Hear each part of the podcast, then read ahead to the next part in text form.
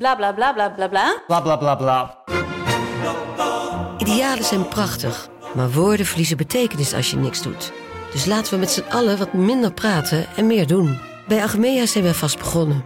Zo gaan wij voor minder verkeersslachtoffers, gezonde werknemers en duurzame woningen. Waar ga jij voor? Kijk op www.werkenbijagmea.nl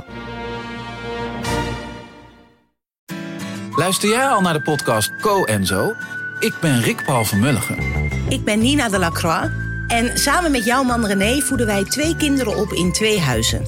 Co-ouderschap. We hebben het over alles wat je daarin tegenkomt. Maar ook over de juice tijdens onze kinderloze dagen, want die heb je ook in het co-ouderschap.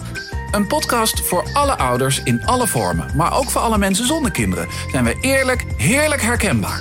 Dus luister naar Co en Zo in je favoriete podcast-app. Dag vrienden, welkom bij Damn Honey.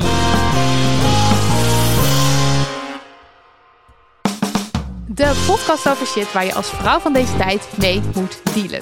Mijn naam is Nidia en, En ik- mijn forced BFF aan tafel Oh, heet... Marilotte! Wat? Er komt een heel spontaan, niet script gescripting. Meteen in de paniek natuurlijk. Maar goed, dan weten de mensen meteen maar van onze relatie. Ja. Eh, dit is aflevering 141. Ja, en hier in de studio aanwezig is Rauna Kadari. Hallo. Hallo. En eh, je bent journalist. Ja. Je bent fervent hardloper. Er werd net hier al eh, enorm over gepraat. Over marathons. Ja, en je bent schrijver van het boek Even Goede Vrienden. En dat gaat over vriendschap. Helemaal Ja. correct. Ja, welkom. Dankjewel. Hoi. Hallo. Hallo.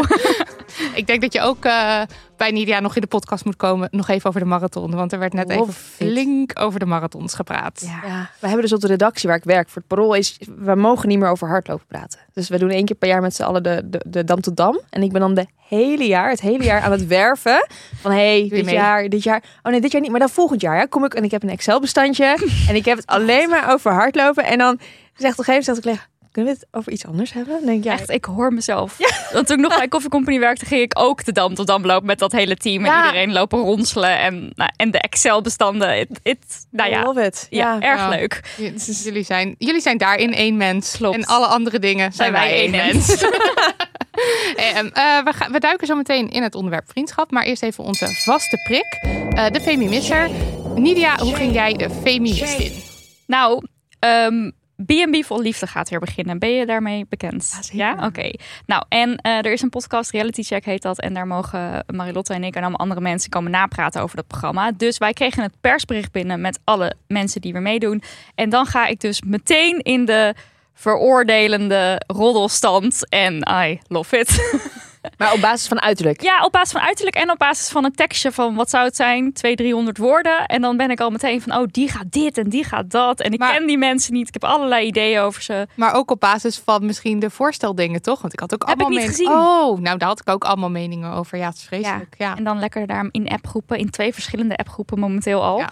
Met mensen over eh, ja, roddelen en mensen voordelen. Maar ik werd vorig jaar heel erg verrast. Dus dat, zeg maar, Ja, dus het kan nog een andere kan kant nog een andere wending. Maar als jij het kijkt, zit je dan soort keurig... ehm, oh, nou ja, iedereen is maar gewoon een mens. En, Nee, eh, nee, nee, toch? Nee. Nee, Nee, iedereen is een mens, behalve deze mensen. Dit zijn geen mensen.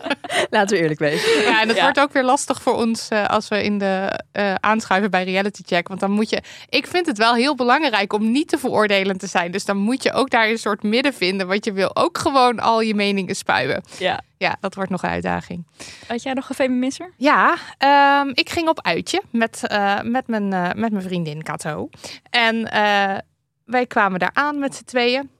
Ik geloof niet hand in hand, maar we kwamen samen aan. En ik, ik stond nog geen, we stonden nog geen seconde daar stil bij de meeting point, waar ook al andere mensen waren.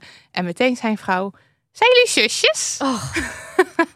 dus Wat? Heeft iemand... Oké, heb jij zijn broers of zussen? Ik heb een broer. En vragen mensen dan de hele tijd als je samen bent... Oh, zijn jullie broer en zus? Zeker niet. nee, Ik bedoel, dat, dat vraagt niemand ooit aan mij en mijn zus. I know. En het is heel apart, want ik keek ook om me heen naar de andere tweetallen. Dat waren natuurlijk allemaal man, man en vrouw. Dat Ja. was allemaal zo. Oh, ik, ik neem aan dan hetero stellen. Maar goed, dat kunnen ook broer en zus geweest zijn.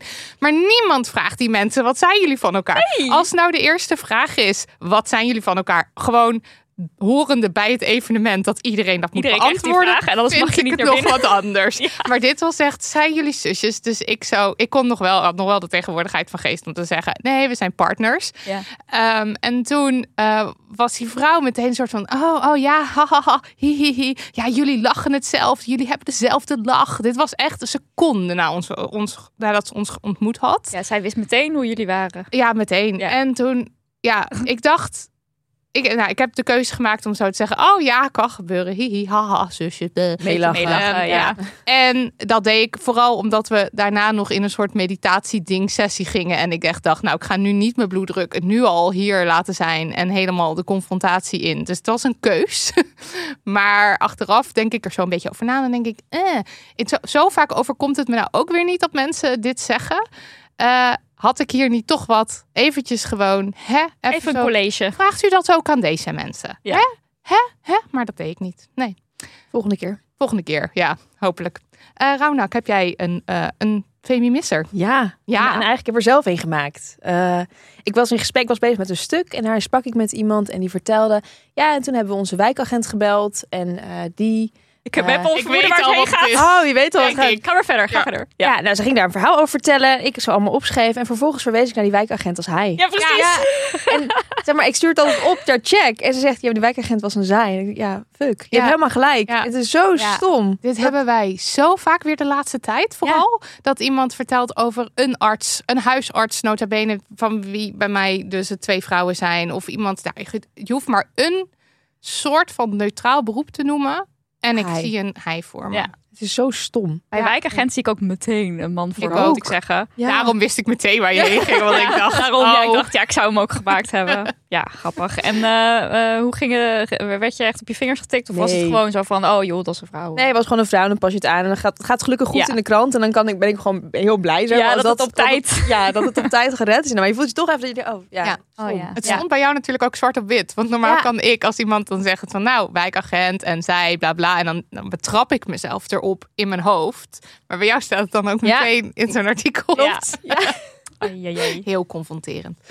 Tijd voor post. Post, post, post, post. Tijd voor post. Post. Post. En voordat ik dit poststuk ga voordragen, eh, eerst heel eventjes een trigger warning. Dan weet je maar wat er komen gaat. Eh, dit onderwerp heeft te maken met eh, seksueel grensoverschrijdend gedrag. En daar gaan we het dus ook over hebben. Hoi. Ik kreeg een advertentie op Instagram over dit product. En dan ga ik heel even uitleggen wat voor product het was. Het was een eh, self-defense armband, getarget op vrouwen. Vooral hardlopende vrouwen, zag je veel op de website. En eh, die self-defense armband kun je omdoen. En als je dan belaagd wordt, dan trek je het mechanisme van de armband los. En dan komt er een geur vrij die blijkbaar zo verschrikkelijk en penetrant en vreselijk is. Dat je belager meteen pleiten is. Ja, dat maar is het echt idee. op 100 meter afstand of zo, hè, stond er nog. Dat En het dat- mensen kan alarmeren. Dat het mensen alarmeert dat er iets aan de hand is en je belager is pleiten. Ja. Dat is het idee. Ja. Ehm, verder met de brief. Wherever you go, we go. Dat is de slogan van dit, eh, van dit product. Ik vind het eigenlijk alleen maar verschrikkelijk dat er dus nu producten gemaakt worden die vrouwen kunnen dragen om zich te beschermen. Hoe erg is dat? Dat dit blijkbaar nodig is. Het is al vaak besproken in de podcast natuurlijk dat mannen na een avond stappen heus niet tegen elkaar zeggen: app even als je thuis bent, maar dat dit voor vrouwen de normaalste zaak van de wereld is.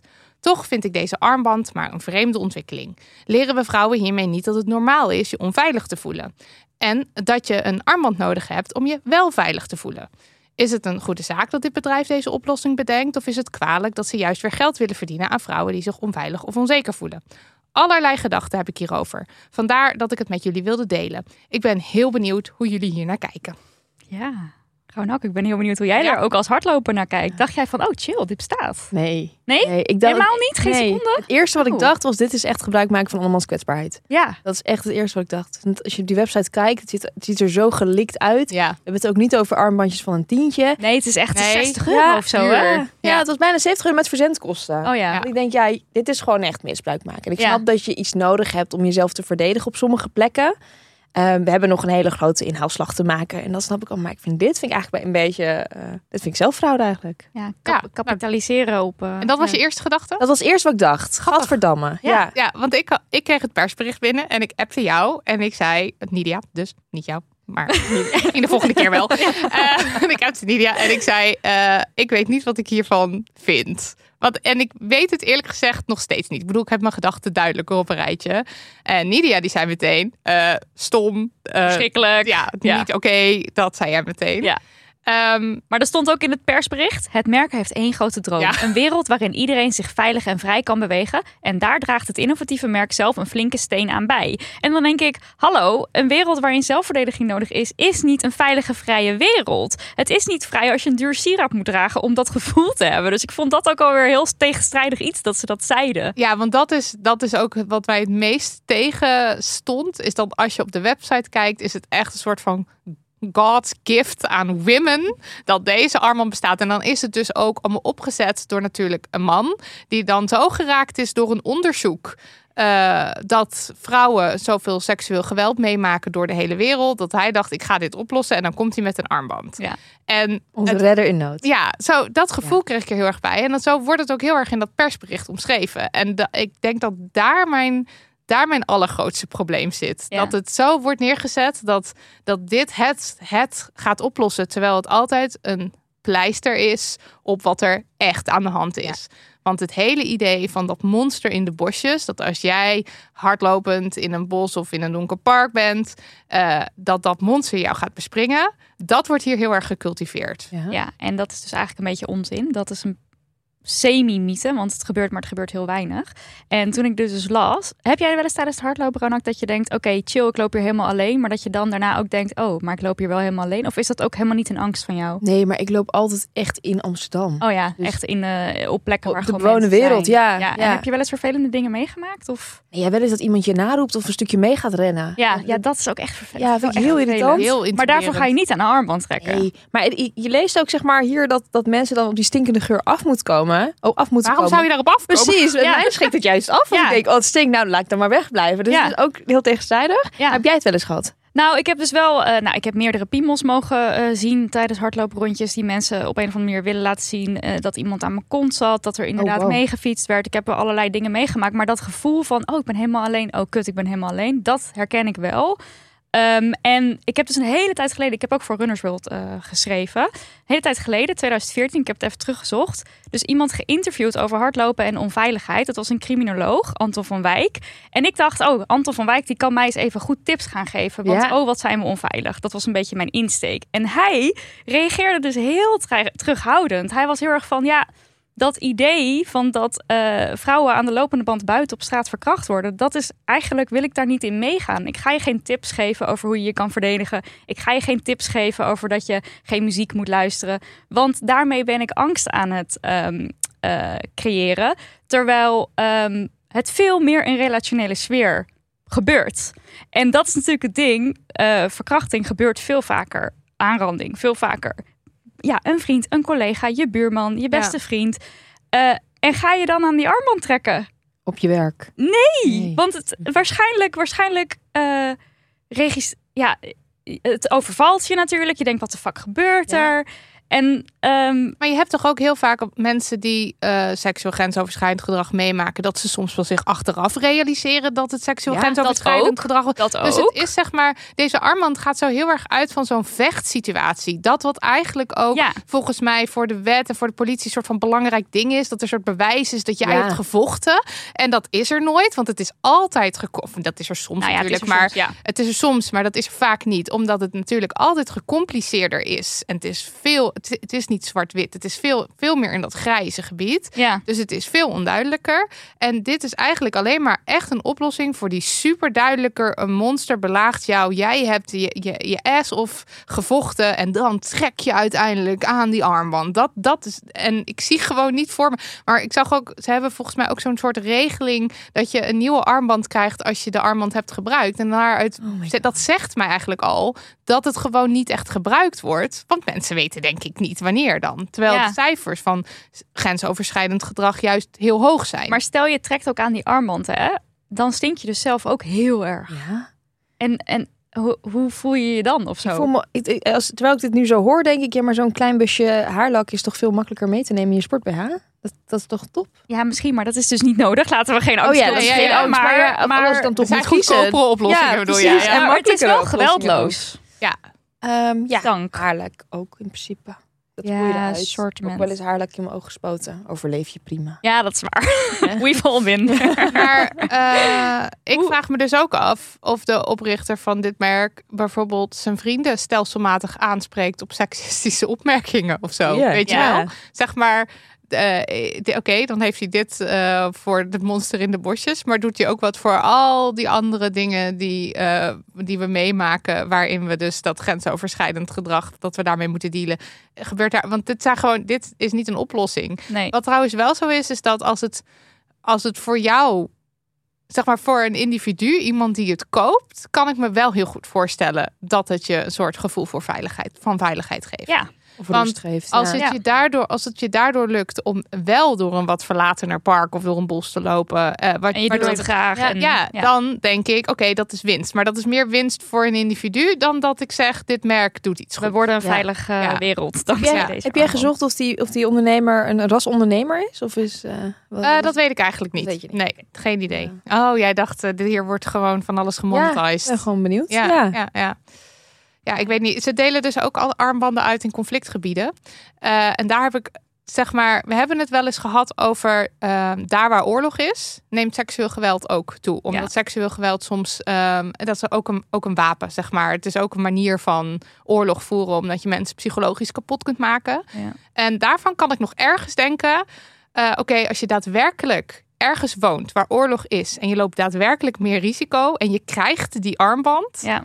Dan ja, ik zie het daar ook alweer anders hoor. ja. Ja. Maar dat is daar. Dat, Maar dan heb je het dus ook niet over de mythe van het monster in de bosjes. Want dan is dat die vorm van geweld dus ook veel meer aanwezig. En dan heb je het niet over relationele sfeer. nee, dan heb je het echt over oorlog voeren. Ja. En dit is dan je- de manier om je te verdedigen tegen eh, een wapen, eigenlijk. Ja. Dus dan daarvan kon, kon ik nog ergens enigszins erin. Ja, ik, en dit is dus de hele tijd waarom ik zo heen en weer ga. Ik weet gewoon niet zo goed wat ik van die armband. Maar ik dacht ook, stel ik zou, ik zou er een hebben, dan ben je toch de hele tijd doodsbang dat die afgaat. dat je per Dat je gewoon, je bent gewoon thuis en dat je hele huis forever, want het schijnt zo erg te stinken. ik ben dat- zo. ja, ik ben wel benieuwd hoe Ja, het ik ben ook ruikt. heel benieuwd. Maar het is Ja. vooral, want kijk, Nidia die doet van alles met parfum. En die liet mij laatst een potje ruiken waar dan poepgeur in zou moeten zitten. Ja, en een ik, element dat in de geur van poep ja, zit. en ik rook daaraan en ik ruik dan dus niks. ja, En maar dan dit ga je ik, ruiken. Ja, nou weet ik, is dat zo? Nee, dat ga je ruiken. ik ruik niet eens. Ik heb namelijk video's gekeken dat ze een soort heel erg ehm, eh, verwaterde variant aan mensen op straat laten ruiken. Ja. En dan zag je in die video zo iemand die er achterlangs liep, gewoon een toerist, zeggen van, oh, what's that smell? Terwijl dat was dus niet eens de echte Oké, versie. oké, oké. Maar dat beangstigt mij dus ook heel erg dat het zo stinkt. Terwijl dat is natuurlijk het hele idee achter die armen. Nou, het is een fascinerend ding en ik heb er heel veel meningen over. Het is zeker niet de manier om seksueel geweld of uh, Nee, en, en zo schijnt gedrag op te lossen ergens. En dat hoeven ze voor mij ook echt niet te claimen. en het is ook zeker niet een redder in nood. En, eh, en, en God, Nee. God's gift to women is niet aan de hand. Put your hands up for air up. Put your hands up for air up. De waterflessen van Air Up vul je met doodnormaal kraanwater. En je klikt er een, eh, een pod Een op. pot. Een pod.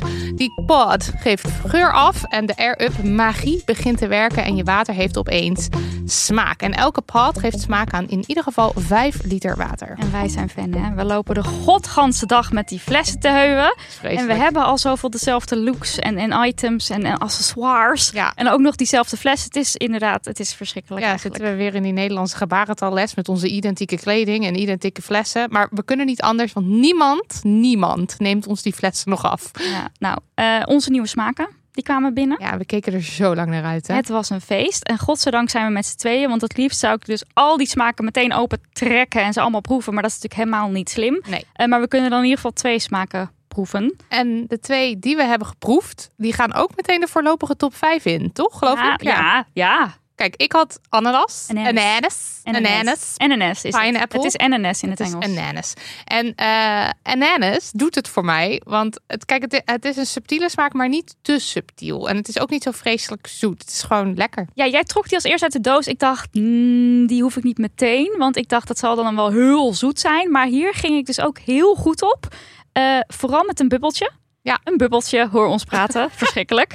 Eh, dus niet die bak zoetigheid in je mond, wat je normaal natuurlijk bij een hap ananas hebt. Dus dat, ja, ik, eh, ik kan niet wachten om hem ook op mijn fles te zetten. Ik heb nu nog even mijn eigen pot. pot. Ja, want jij Erop. bent eigenlijk, dit is een tip voor Air Up eigenlijk. Jij bent eigenlijk op zoek naar een klein luchtdicht bakje Ja. waar je dan je pots in kan doen, Ja, zodat je ze kan wisselen. want ik wil het liefst echt elke fles, een, a- elke bijgevulde fles een andere smaak. Heel decadent. Ehm, nou, ik heb eh roos. Oh nee, lychee rose. ja, jij bent heb van ik momenteel. van de rare smaak. Ja, ik ben altijd heel benieuwd hoe en wat en zo. Dat kan natuurlijk ook niet goed uitpakken. Maar bij de lychee rose was het meteen een ja. Het was een liefde on the first smell, zou je kunnen zeggen. Een lychee liefde. Eh, het zit iets meer aan de lychee kant dan aan de rooskant, zou ik eh, willen zeggen. En eh, ja, geweldig. Ja, ik eh, was blij dat het iets meer aan de lychee kant dan de rooskant zit. Want I love lychee. En Ja, roos is altijd... roos ook. Ja, Maak maar- ook roos. Ja, daar was ik dus een beetje huiverig voor. Ik Maar... zit trouwens nog te denken, hè? Hm? Kinotto. Oh mijn god. Onze favoriete zomerdrank Ja. van vorige zomer of zo. Dat moeten ze gaan maken. Air Up, bel mij. Ik vertel je alles over Kinotto en maak het. Ja, ik, eh, dit moet. Air up. Dit moet. Dit moet.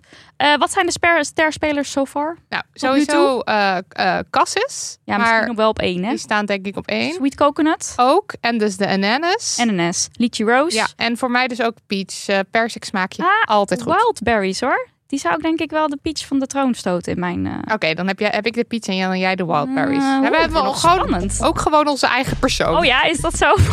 Valt volgens mij vies tegen. Oké, wil jij ook aan de Air Up magie? Tot en met juli, dus deze hele maand nog, krijg je 10% korting op alles wat je koopt op air-up.com met kortingscode DAM10. En 10 is dan in cijfers. Check het allemaal maar even in de beschrijving van deze podcast. air-up.com.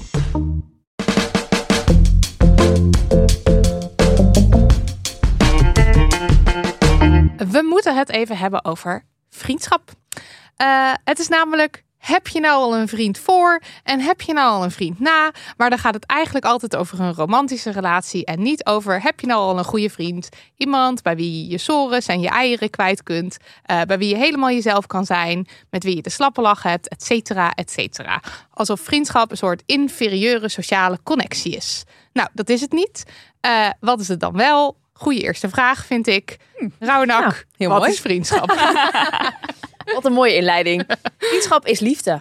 En dat is eigenlijk het hele korte antwoord. En het is de enige vorm van liefde, vind ik altijd heel leuk om te vertellen, die helemaal vrij is van construct. Ja, en dat is zo vet eraan. Ja. En dat is ook waarom het zo lastig is voor heel veel mensen, Ja. heb ik het gevoel. Maar ook waarom het zo bijzonder is. Ja. Dus het feit dat jullie Ja. hier zeg maar zonder enige conventies vrienden zijn. Ja. En dat jullie dat nog steeds zijn. En dat jullie blijkbaar met Nou, elkaar... nou, nou. We vechten elkaar de tent uit als we uit de studio lopen. Nee. Dat jullie überhaupt een week zijn geweest zonder dat er ook maar enige vorm van conventie zijn. Dat is eigenlijk enorm bijzonder. Ja. Dus je hebt ehm, bijvoorbeeld huwelijk. We weten allemaal wat er Ja. van huwelijken worden verwacht. Ja. Of partnerrelaties. Dus heb ik het echt over eh partnersrelaties als man-vrouw, vrouw-vrouw, man-man. Dus echt een liefdesrelatie. Nou, we weten allemaal wat daar een beetje bij komt kijken. Samenwonen niet, seks Ja. wel niet. En dan wordt het al ingewikkelder als het dus niet hetero is. Ja. Want dan, dan is het al voor mensen van ja, maar wie is dan mannetje, wie is het vrouwtje? Dus daar beginnen de conventies al langzaam weg te. Terwijl het dus voor mij juist zo'n ontzettende bevrijding is dat die conventies, dat er minder conventies Ja, zijn. ja, ja, ja. Voor, voor, en ik, ik zit altijd zo van, nou, zielig, al die hetero's. Ja. Eh, ja. dus dat scheelt. Dus ik, ja, Jij dat- bent, de, jij bent de vrije hier. Ik, ben, ik ben de, ja, daarin dus de meest vrije, denk Ja, ik. ja. Maar ook niet, want het is ook niet. Nog steeds heb je bij partnerrelaties, of het nou een same-sex relatie is of een hetero relatie, is het eh, er ligt een blauwdruk. ja over Ja. wat een relatie is. Ja. En met familierelatie heb je dat ook. Maar met vriendschap heb je dat dus niet. Ja. Ehm, en dat maakt het zo bijzonder. Maar als we helemaal teruggaan naar de kern, dan is vriendschap een vorm van liefde die we dus helemaal zelf kiezen. ja. Mooi. Heel mooi. En in welke vormen komt vriendschap dan? Drie vormen. Nee, Ja. er zijn heel veel, er zijn tak, heel tak. veel vormen. Ja, maar laten we even eerst over die drie vormen. Ja, die komen van Aristoteles. Die heeft een, een echt heel lang geleden heeft hij bedacht van er zijn drie soorten vriendschappen. De ware vriendschappen, daar kom ik zo op. De nuttige vriendschappen en de vriendschappen gebaseerd op plezier. Ja. En de nuttige vriendschappen, dat zijn eigenlijk de vriendschappen die ontstaan omdat we een bepaald fundament hebben daar. Dus bijvoorbeeld de buren die vrienden worden. Ja. Of de collega's. Dan is het fundament werk of, of je huis. En de vriendschappen voor plezier, dat zijn bijvoorbeeld de hardloopvrienden. Ja. Of de podcastvrienden. De, de feministenvrienden. Dat brengt, ze, ze, zijn samen omdat ze plezier maken samen en ze elkaar daarin vinden. Ja. Op het moment dat het fundament wegvalt. Dus stel, wij zijn allebei hardloopvrienden en ik ga ineens besluiten eh, te gaan crossfitten en ik doe nooit meer mijn hardloopschoenen Ja. aan. Dan is de kans dat wij nog vrienden zijn best wel klein. Ja. Als, als onze hele vriendschap gebouwd is op hardlopen. Als jullie podcastvrienden zijn en jullie stoppen met podcast maken, dan is de kans dat jullie vriend blijven ook best wel klein. Niet onmogelijk, maar wel klein. Ja. Maar stel dat jullie dan toch vrienden blijven. Dus dan begint eigenlijk de vriendschapsproef. Dus als je gaat verhuizen, als je je andere baan neemt of als je er stopt met hardlopen, dan begint de vriendschapsproef. Zijn we ware vrienden of niet? En wanneer ben je dan een ware vriend? Ja, ware vrienden ben je eigenlijk eh, heel makkelijk gezegd met elkaar om wie de ander is. Dus echt om de persoon zelf. Dus niet om wat hij doet of wat, wat zij doet of wat zij leuk vindt, maar echt om die persoon zelf. Dus je Ja. voelt liefde voor die ander. Dus ik zeg in het boek ook, ik heb geschreven heel duidelijk van, ik hoop dat mijn vrienden, als ik uitdij, als ik 180 graden een eh, andere carrière kies en naar de andere kant van de wereld verhuis, mijn ware vrienden die blijven bij me. Eh, en dat is eigenlijk echt vriendschap. En, en wanneer, zeg maar, want dan, dit klinkt een beetje alsof de, zeg maar, de, de nuttige vrienden en de pleziervrienden, alsof dat meer dan, nou ja, die zijn wel iets meer dan een kennis dan. Ja. eh, Het zijn wel vrienden. Ja. Eh, maar wanneer, ga- de, de- de- wanneer, we, wanneer ga, Weet je of het trost dat Ik over? kreeg heel veel Ja. eh, berichtjes van luisteraars die zeiden: Ik heb autisme en Ja. ik heb daar extreem veel moeite mee. Wat is Ja. een kennis? Wat is een vriend? Zijn we goede vrienden? Of, of ja. Sowieso spreek het naar elkaar uit. Ook Ja. als je goede vrienden bent, ook als je hardloopvrienden bent of, of plezierige vrienden, zeg gewoon tegen elkaar wat jullie van elkaar zijn. En wat we nog heel vaak doen, en dat merkte ik ook toen ik eh, begon met, met, met, met onderzoek naar vriendschap, is we spreken het niet uit. Wij Nee. denken met z'n allemaal dat vrienden maken vanzelf gaat. Het komt wel goed, het komt wel niet goed. Nou ja, dan gaan we door. Vrienden komen en gaan. Maar spreek naar elkaar uit. Wat wil je van elkaar? Ja. Wat, wat verwachten we van elkaar? En misschien een heel fijn voorbeeld wat ik heb uit mijn eigen vriendengroep is dat ik heb een vriendin die geeft heel veel om haar verjaardag. Echt Oh ja. niet normaal. Als je haar verjaardag vergeet, dan is dat echt een ding voor haar. Ja. Terwijl ik geef niks om mijn verjaardag. Dus als jij, jullie mijn verjaardag vergeten, we zijn goede vrienden, maakt me echt helemaal niks uit. Maar door dat naar elkaar uit te spreken, weet je ook wat je van elkaar kunt verwachten. Ja. Dus die vraag van diegene die autisme heeft en die zegt, ja, hoe weet ik nou wat die ander van, het, van me is? Spreek het naar elkaar uit. En als je het niet weet, dan vraag je het gewoon van, hé, hey, Ja. wat, wat zijn we van elkaar? Zijn we vrienden? Zijn we collega's? En dat is best wel spannend. Heel spannend. Ja, want Ja. dit is ook echt eh, waiting voor afwijzing. Als je zelf Ja. bijvoorbeeld graag wel vrienden wil Ja. zijn of het gevoel hebt dat je vrienden bent. Ja, En iemand zeker. zegt, nou, wij zijn gewoon collega's. Dat Ja. zou ik heel lastig vinden Maar hoor. het schept ook heel veel orde, toch? Ja. Van, Ja. Je kunt wel de hele tijd. Ik heb ook wel eens collega's gehad die dan echt in privé ook dingen met, met, met, met mij wilden gaan doen.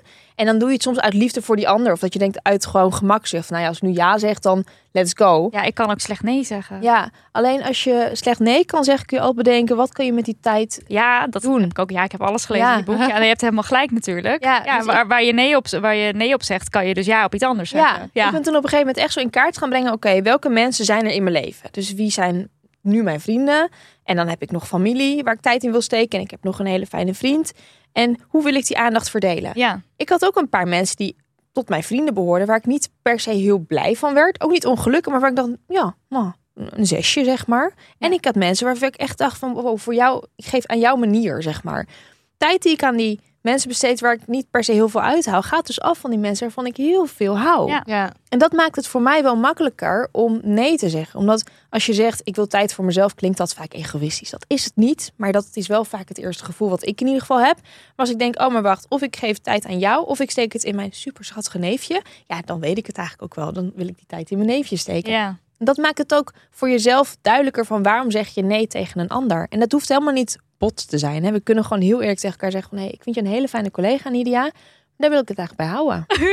ja, Mijn hart. En ja, ja dat, dat- maar dat zijn we allemaal niet gewend. Terwijl, Maar jij kan dit dus heel goed. Ja. In jouw boek geef je ook allerlei voorbeelden van dat jij tegen vrienden zegt van, yo, het is klaar. ja, nu. Ik vind dat heel. eh, nou ja, daar heb, la- laten we het daar kort over. Ja. Nou, kort, lang, whatever.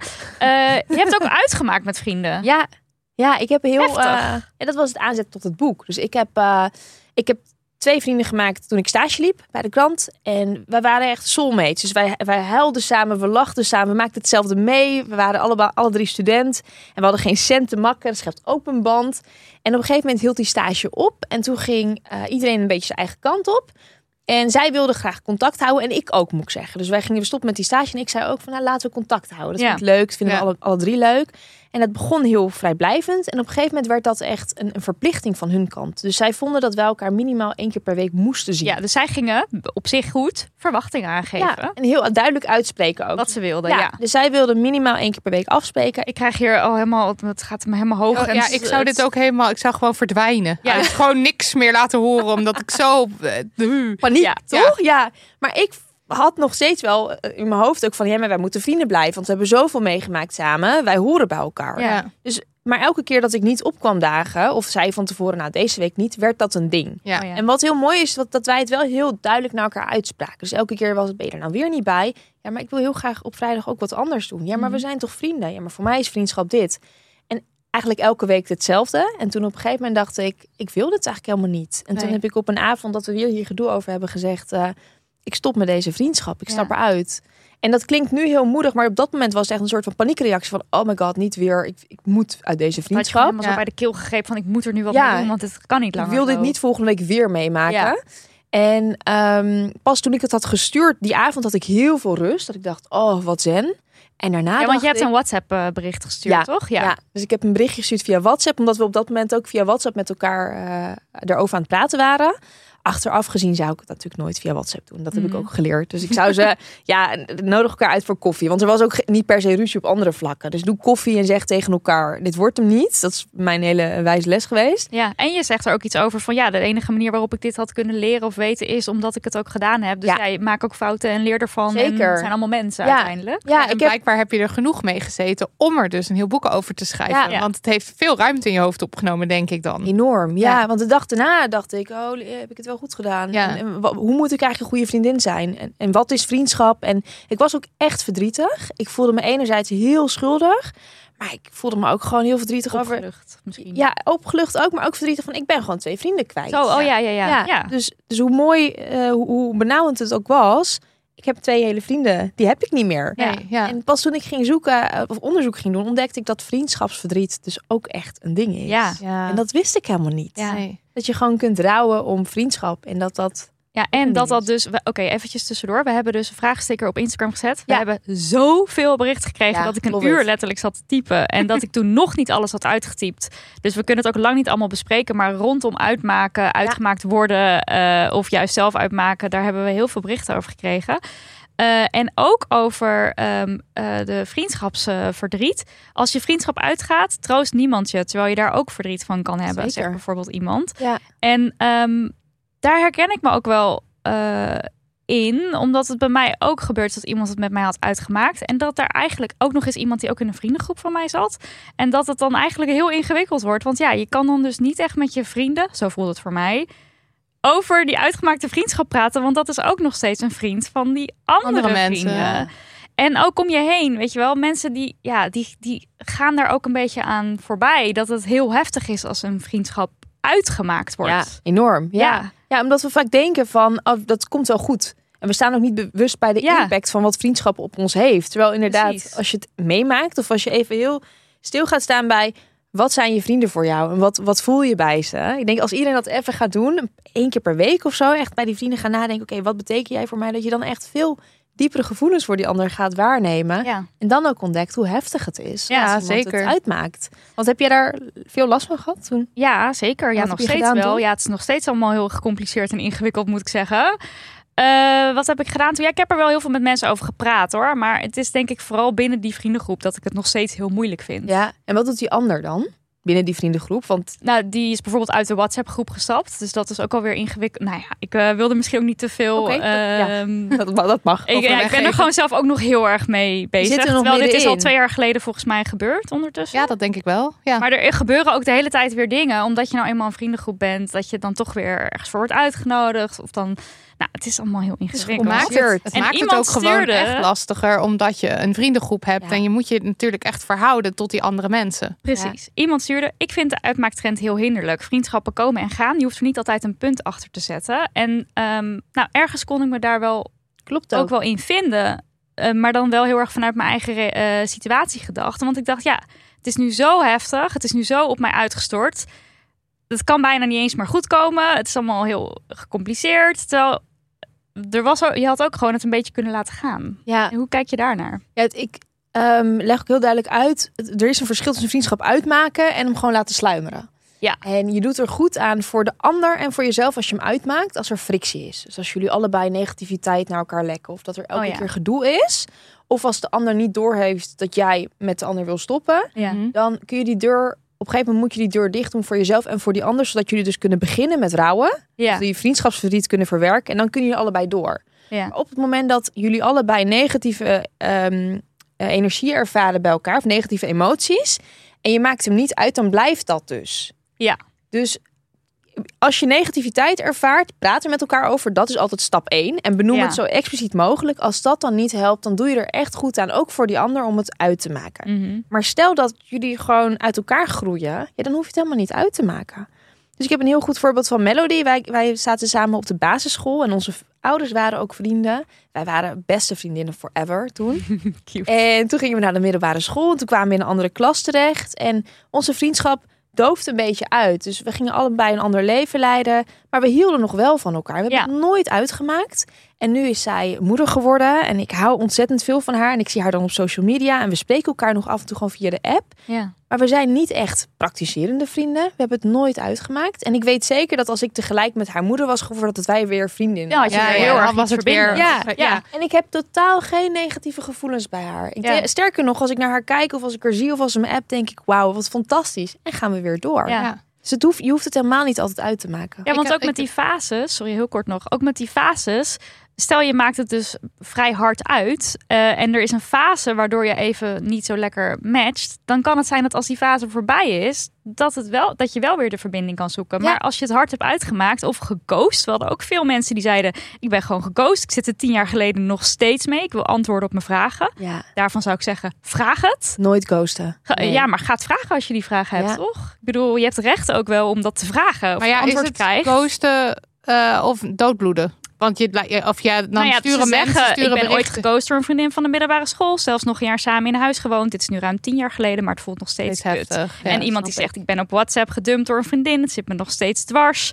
Eh, hoe ga je om met een vriendengroep die jou buitensluit zonder aanleiding? Hoe ga je ermee om als iemand een vriendschap met je uitmaakt? Zeg maar, er zit, er zit heel veel, het is natuurlijk heel, Ja, allebei de kanten zitten heel veel gevoelens. Het is zo heftig eigenlijk dat, want eh, het is zo dat een liefdesrelatie vaak een soort van heel belangrijk wordt gevonden, Ja. terwijl een vriendschapsrelatie, ja, het werkt op sommige eh, momenten of op sommige punten natuurlijk echt exact hetzelfde, ook omdat het liefde is Ja. natuurlijk, maar omdat we dus allemaal, we ervaren allemaal gevoelens, maar we krijgen er verder, we krijgen heel veel advies over gewoon over liefdesrelaties. Daar kan je overal bij terecht en je kan er, maar over vriendschappen, dat is echt veel minder. nee, dat Jij, is- jij hebt toch ook in jouw boek dat je in principe bij een relatietherapeut zat over die voor romantische relaties Ja. wordt ingeschakeld ja. en jou gaat helpen met jouw vriendschappen. Ja, omdat die banden dus een beetje hetzelfde zijn eigenlijk. Ja. Je gaat een relatie aan met waar twee mensen bij betrokken zijn, waar twee sets eh, gevoelens bij betrokken zijn, waar twee sets normen en waarden bij betrokken zijn. En je probeert samen verbinding te maken met elkaar. Ja. En vaak heb je die verbinding al, maar als je naar een relatietherapeut gaat, is daar iets verstoord, waardoor jullie allebei ongelukkiger worden. En toen ik dat boek aan het schrijven was, toen ontdekte ik inderdaad dat ik op de middelbare school wel leerde van hoe moet je nou een goede partner zijn, hoe, hoe geef je je grenzen aan op dat gebied, Ja. maar niet op vriendschapsgebied. Nee. Waardoor op een gegeven moment ontdekte ik van ja, maar ik weet eigenlijk helemaal niet hoe ik een goede vriend moet zijn en hoe ik een goede vriendschap moet aangaan.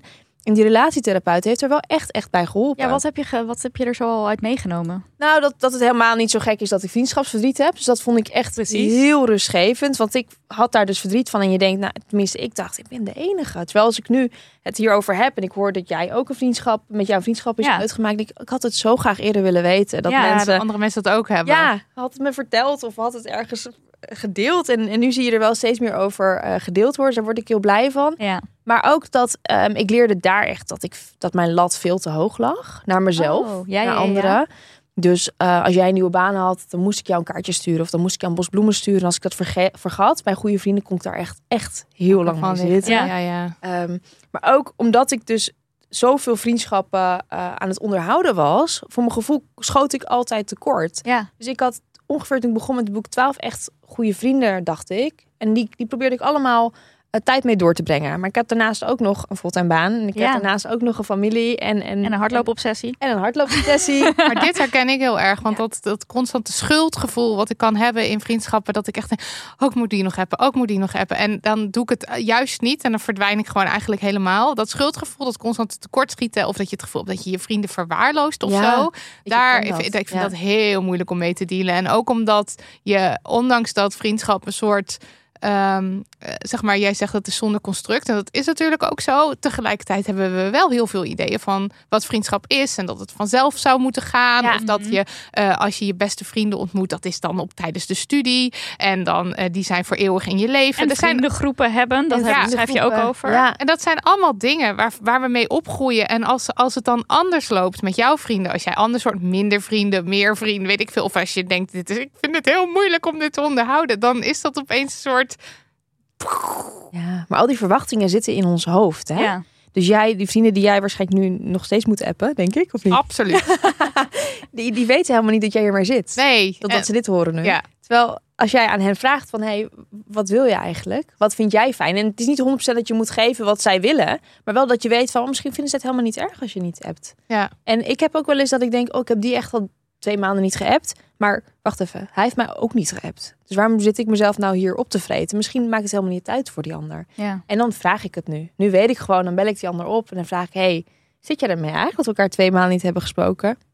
Don't care. De Ja. ander die denkt echt, nee, joh, het goed met je gaat, hoor je mij niet piepen. als Ja. ik niks hoef, als ik niet mijn huis uit hoef. Dus Ja. Dat, ja, dat zijn dan En dingen. waarschijnlijk zit jij er nu zelf nog steeds op te vreten dat je die appjes moet sturen. Ja, ik heb altijd buikpijn, standaard. Zeg.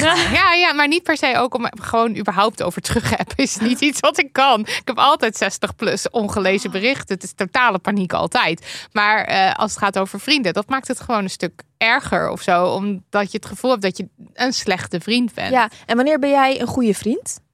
Ehm, ik vind dat sowieso. Wat is een goede vriend? Ja. Dat is helemaal iets wat je natuurlijk zelf. ehm, maar ik vind bijvoorbeeld eh, een, een goede vriendschap. Ik zat gisteren, want dat vind ik dus heel erg leuk in jouw boek. Daar zit ik ook eens een beetje te bedenken. Wie zijn dan de mensen in mijn leven? Ja, Ehm, en de echt goede vrienden, dat zijn de mensen. Dat zijn niet eens de mensen die ik het vaakst zie, maar dat zijn mensen bij wie ik me totaal ontspannen voel. Ja. En dat masker, is het eh, gewoon. ja. Dat je echt denkt, nou, als ik daar kom, al plof ik daar neer en zeg ik de hele avond niks.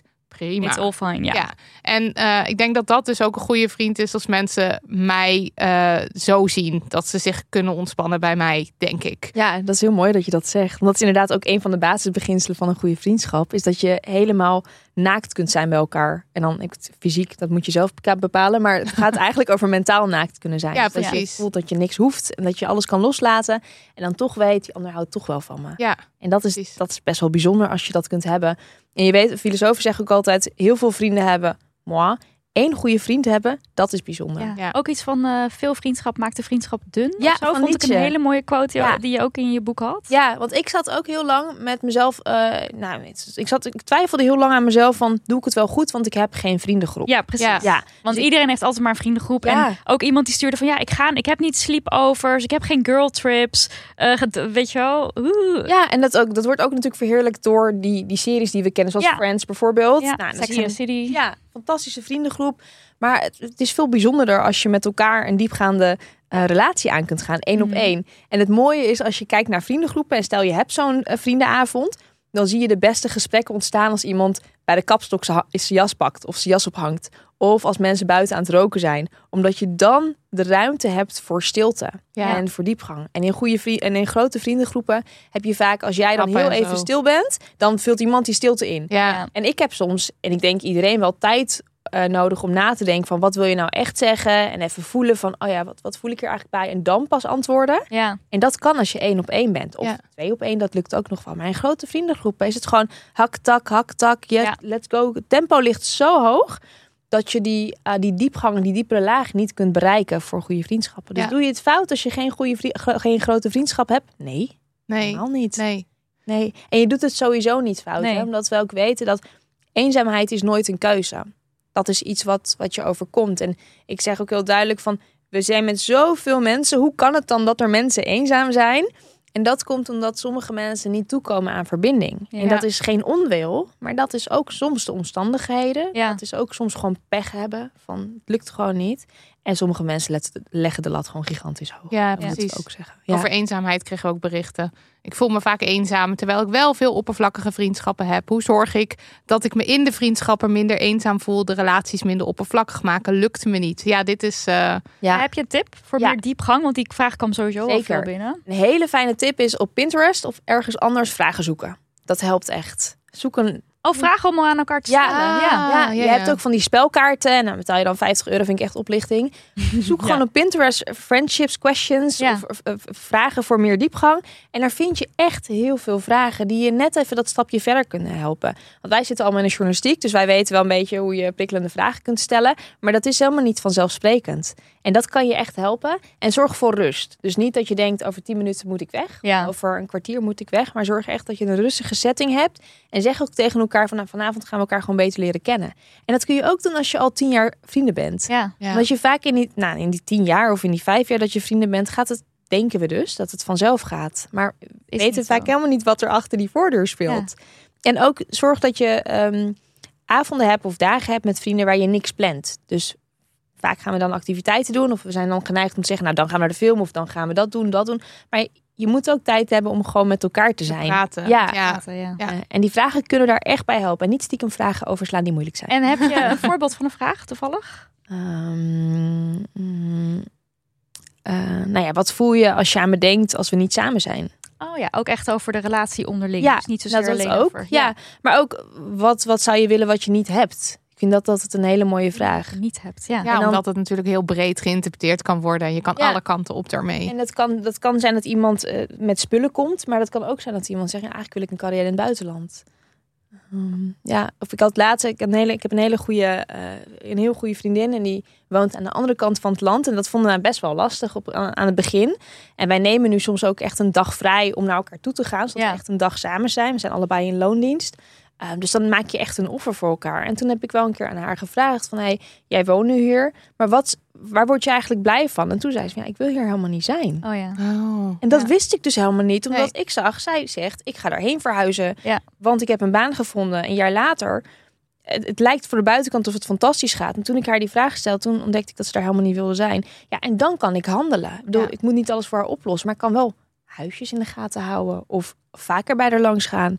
Maar dan moet je wel naar elkaar uitspreken. Ja. En dat Ja. kan niet als je elke keer elkaar ziet naar een festival gaat. Ja, en dat- die eerlijkheid nee, is natuurlijk precies. ook echt Ja. wel onderdeel van de ware vriendschap. ja, Want en je kan altijd het masker ophouden van nee hoor, met mij gaat echt alles goed. Ook naar je vrienden toe, omdat je toch het gevoel hebt dat je een bepaalde ja, een soort leuk moet zijn of Ja. zo. Ja, dat maar is dat juist bij je ontspannen weer. vrienden hoop je dat je dus wel eerlijk mag zijn van ik ging deze mega sprong wagen, ik was super trots op mezelf en het valt super tegen. Ja, ja. en het is, ook, het is ook geven en nemen. En dat klinkt natuurlijk cliché, maar de ander kan wel open naar jou zijn. Maar als jij niet open naar die ander bent, dan gaat hij zich Ja. ook sluiten voor Ja, jou. logisch. Ehm, en een heel goed voorbeeld daarvan is denk ik wel de, de huissleutels. Mijn vrienden, sommigen hebben een huissleutel van mij. En daarmee zeg ik niet alleen maar, je bent welkom bij mij. Of als er nood is, dan kun je bij mij naar binnen. Maar daarmee zeg ik ook, ik vertrouw jou. ja. Ja. En door dat vertrouwen te geven aan die ander in die vorm van een sleutel, of je doet het in de vorm van je pincode of, of whatever, dan als je die enegene echt vertrouwt, hè, dat is wel de, de basisvoorwaarde, dan voelt die ander zich ook echt door jou gezien. Van oké, zij ziet mij, ik ben welkom bij haar, zij vertrouwt mij, dus ik kan ook die moeilijke kwesties bij haar neerleggen. ja.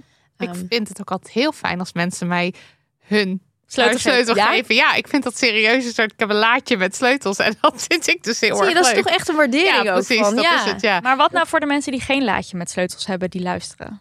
En die dus nu misschien wel heel verdrietig luisteren. Ja. Van, oh, maar dit wil ik super graag, maar ik heb dit dus niet. opbouwen.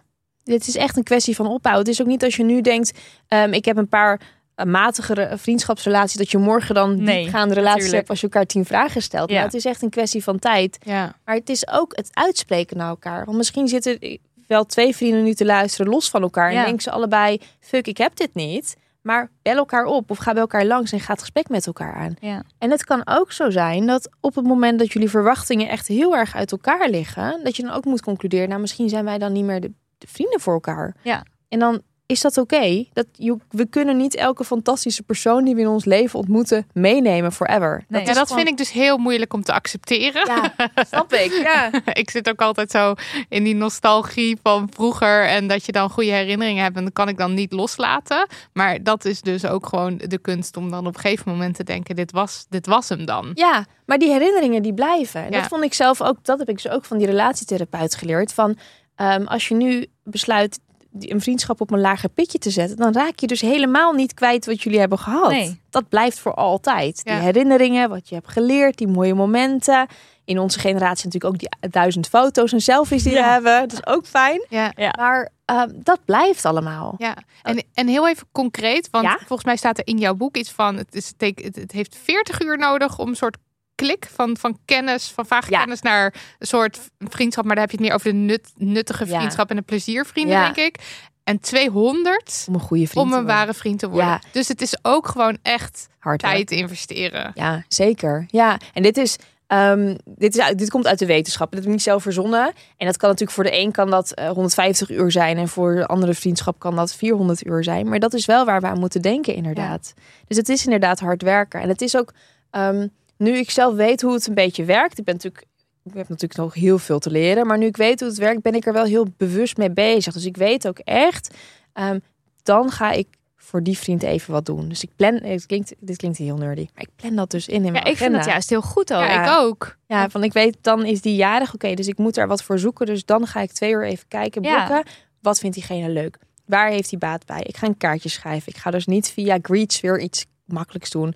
Maar het kan ook zo zijn dat als diegene het helemaal niet waardeert, dat je dan denkt, ik Dan ga wat dat. Ja. anders doen. precies. Inderdaad.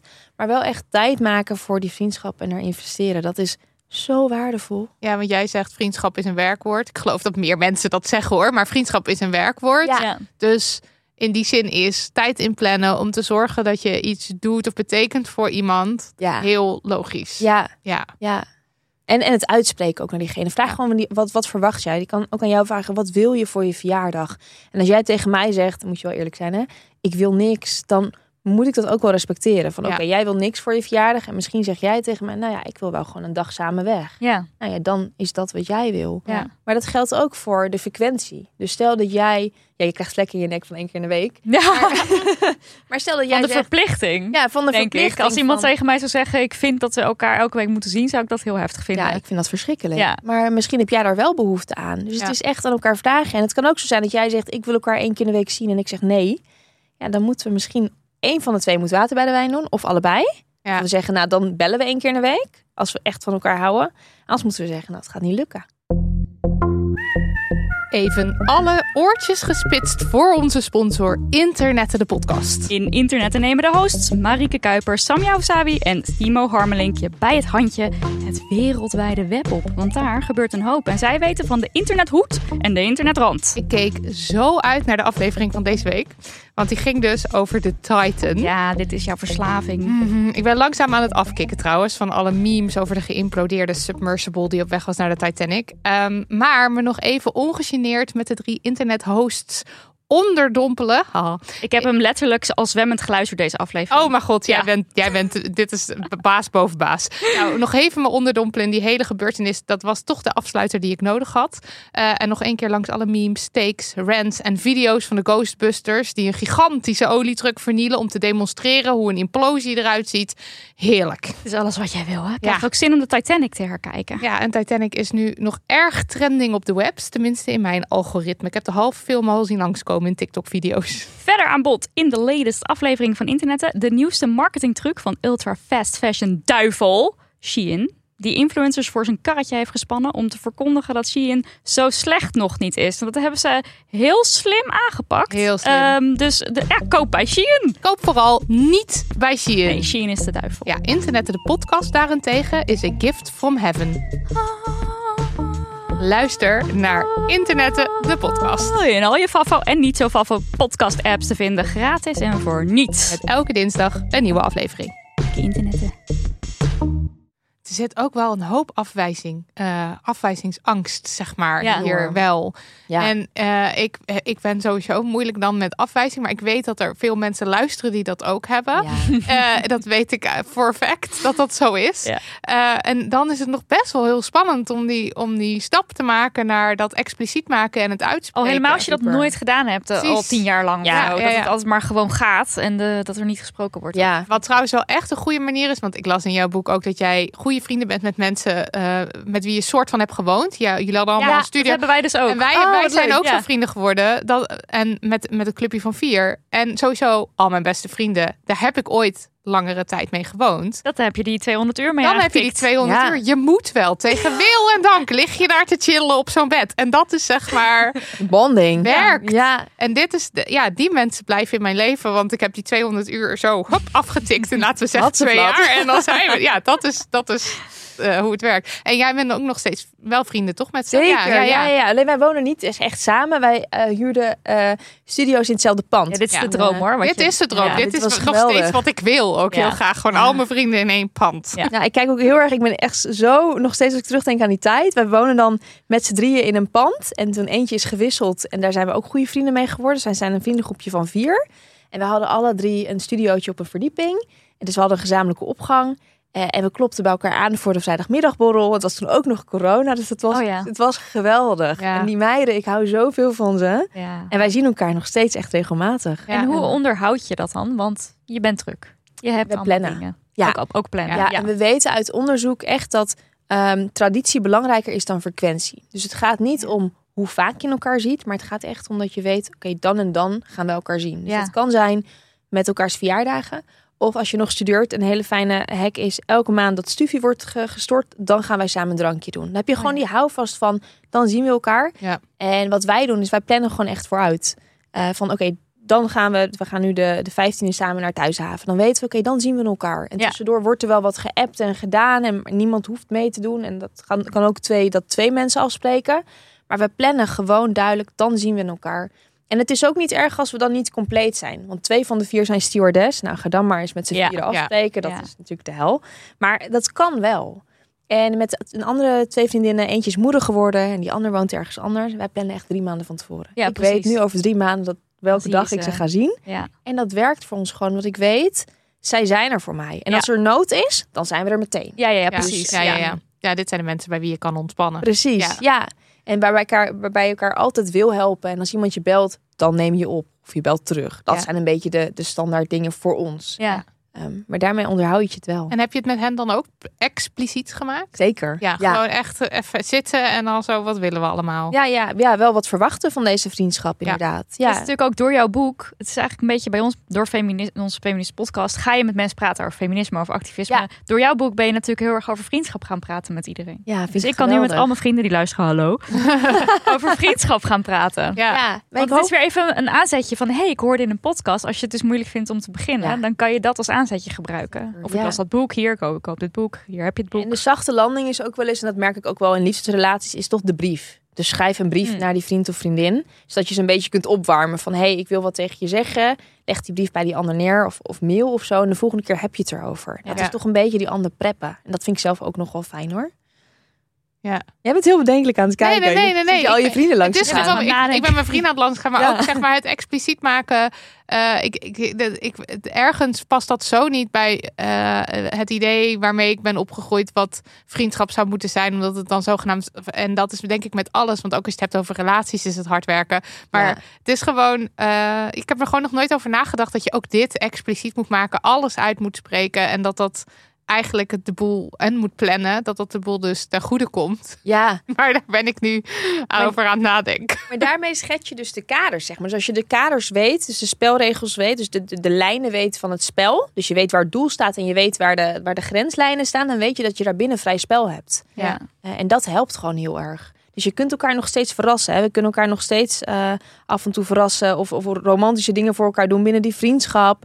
Ehm, maar die kaders, die zijn zijn, dan er. gewoon duidelijk. Ja. Ja, en die kaders zijn ook denk ik dus per persoon Anders. heel anders. En wat jij dan 100%. prettig vindt van over drie maanden afspreken, dat is voor jou dan geloof ik de grootste hel. Dat je dat dan alvast moet gaan leggen en dat je dan nu over na moet denken. Ja, Of tenminste. vul ik dat te veel in? Ja, nee, dat is zo. Maar tegelijkertijd vind ik het ook moeilijk om spontaan te doen. Dus ja, eigenlijk Ja. is bij mij geen land, Maar dat is land ook een, bezeilen. dat is ook een tussenweg. Want ik heb een paar vrienden waarmee ik de ochtendkoffiewandel af en toe doe. En Ja. dat gaat altijd heel erg organisch. Zo van, oh hey, eh, kan je deze week? Oh ja, ik kan maar woensdag. Oh nee, ik kan niet deze week. Oh, volgende week. Zo een beetje zeg Ik maar. ben, ik ben ook En meer zo'n zo. koffiewandeltje, dat kost weinig tijd. Maar je bent wel echt even met z'n tweeën. En aan, tijdens wandelen, Ja. wandelen kan je vaak goed praten. Dus dat is voor mij een manier die werkt. En zo Ja. moet je eigenlijk bij jezelf kijken van wat zou dan voor Ja, mij kunnen werken. Ja. Ja. En sommige vriendschappen kan dat niet mee, want die wonen ver weg. Dan kan je niet even voor je werk gaan wandelen. Nee, wat wel, wat wel fijn is, is dat ik ook vrienden heb die nu goed weten dat ik het heel moeilijk vind om, om zeg maar überhaupt me vast te leggen. Ja. En die dan gewoon zeggen: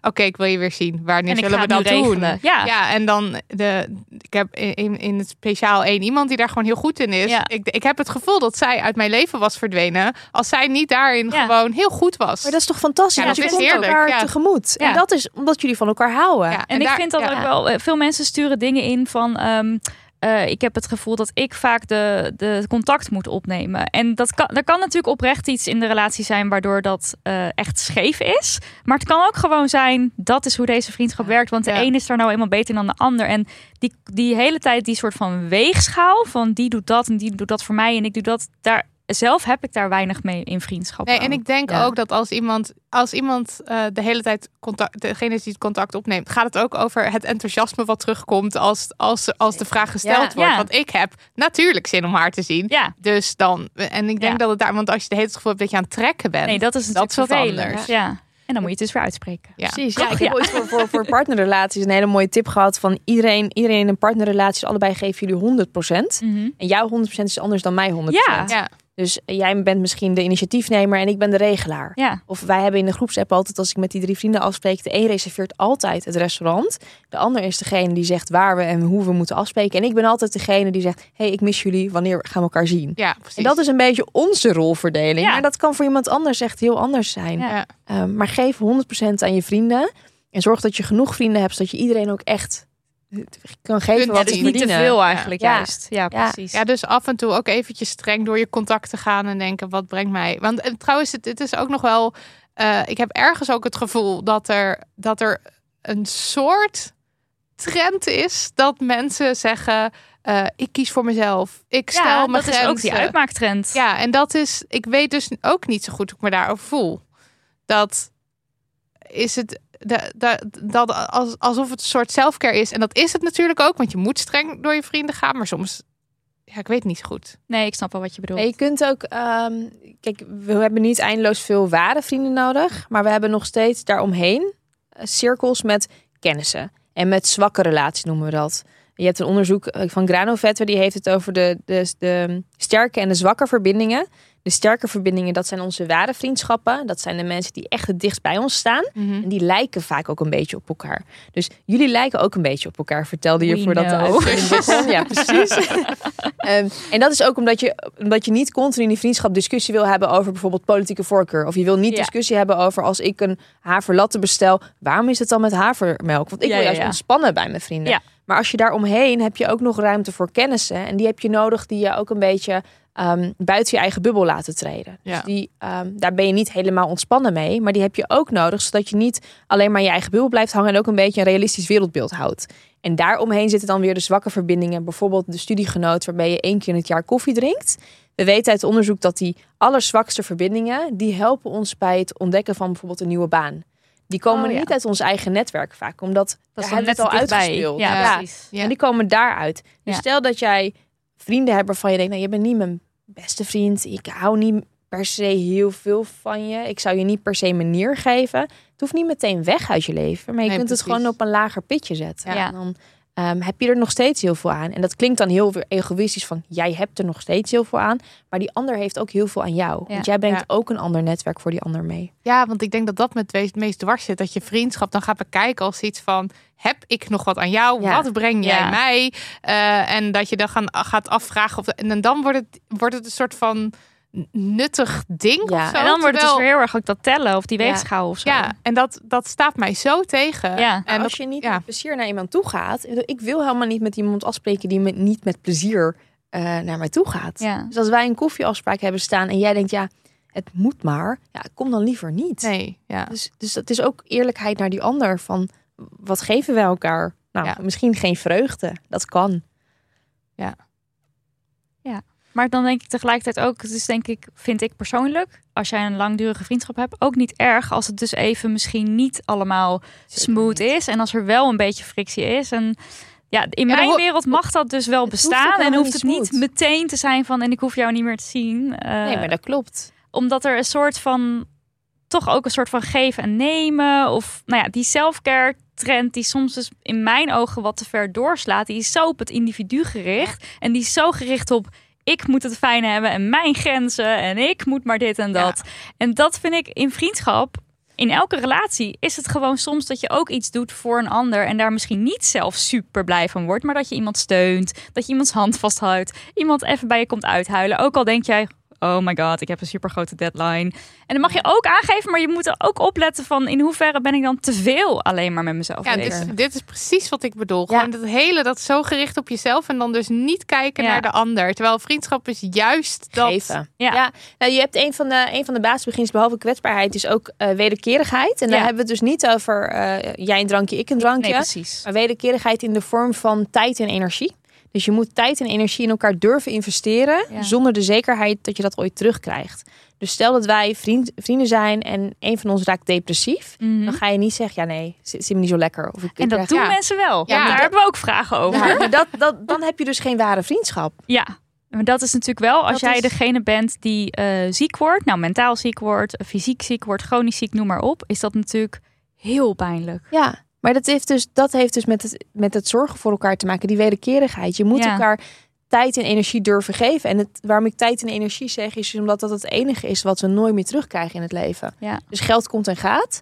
Tijd en energie niet dus eenmaal weggegeven is ook echt weg. Ja, Ja. Ehm, maar als je dus zegt, wij zijn vrienden, wij zijn ware vrienden en wij voelen liefde voor elkaar, ja, dan ga ik je dat ook geven. Ja. Ook als je twee jaar eruit ligt. En ook als je er forever uit ligt. ook als je er forever Ja. uit ligt, ja. Want we hadden dus Want vragen dat is- van iemand die Ja, zegt sorry. wat te doen als je vriendin je tijdens een ziekteperiode heeft laten zitten.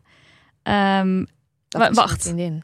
Nee, dat, oh, wacht, ik bedoel eigenlijk een andere vraag. Deze sluit er heel erg op aan. Maar hoe om te gaan met vrienden die verdwijnen als je chronisch ziek wordt? Het bespreken of laten gaan.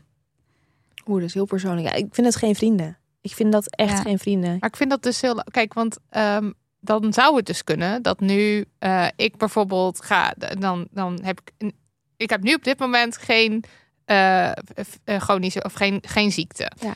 Eh, maar dan zou het dus kunnen dat de mensen die ik nu als ware vrienden beschouw, Ja. dat die wegvallen en dat dat dus eigenlijk geen ware vrienden zijn. Maar dat is dus het extreem pijnlijke aan dit In verhaal. moeilijke situaties leer je je vrienden kennen. Ja.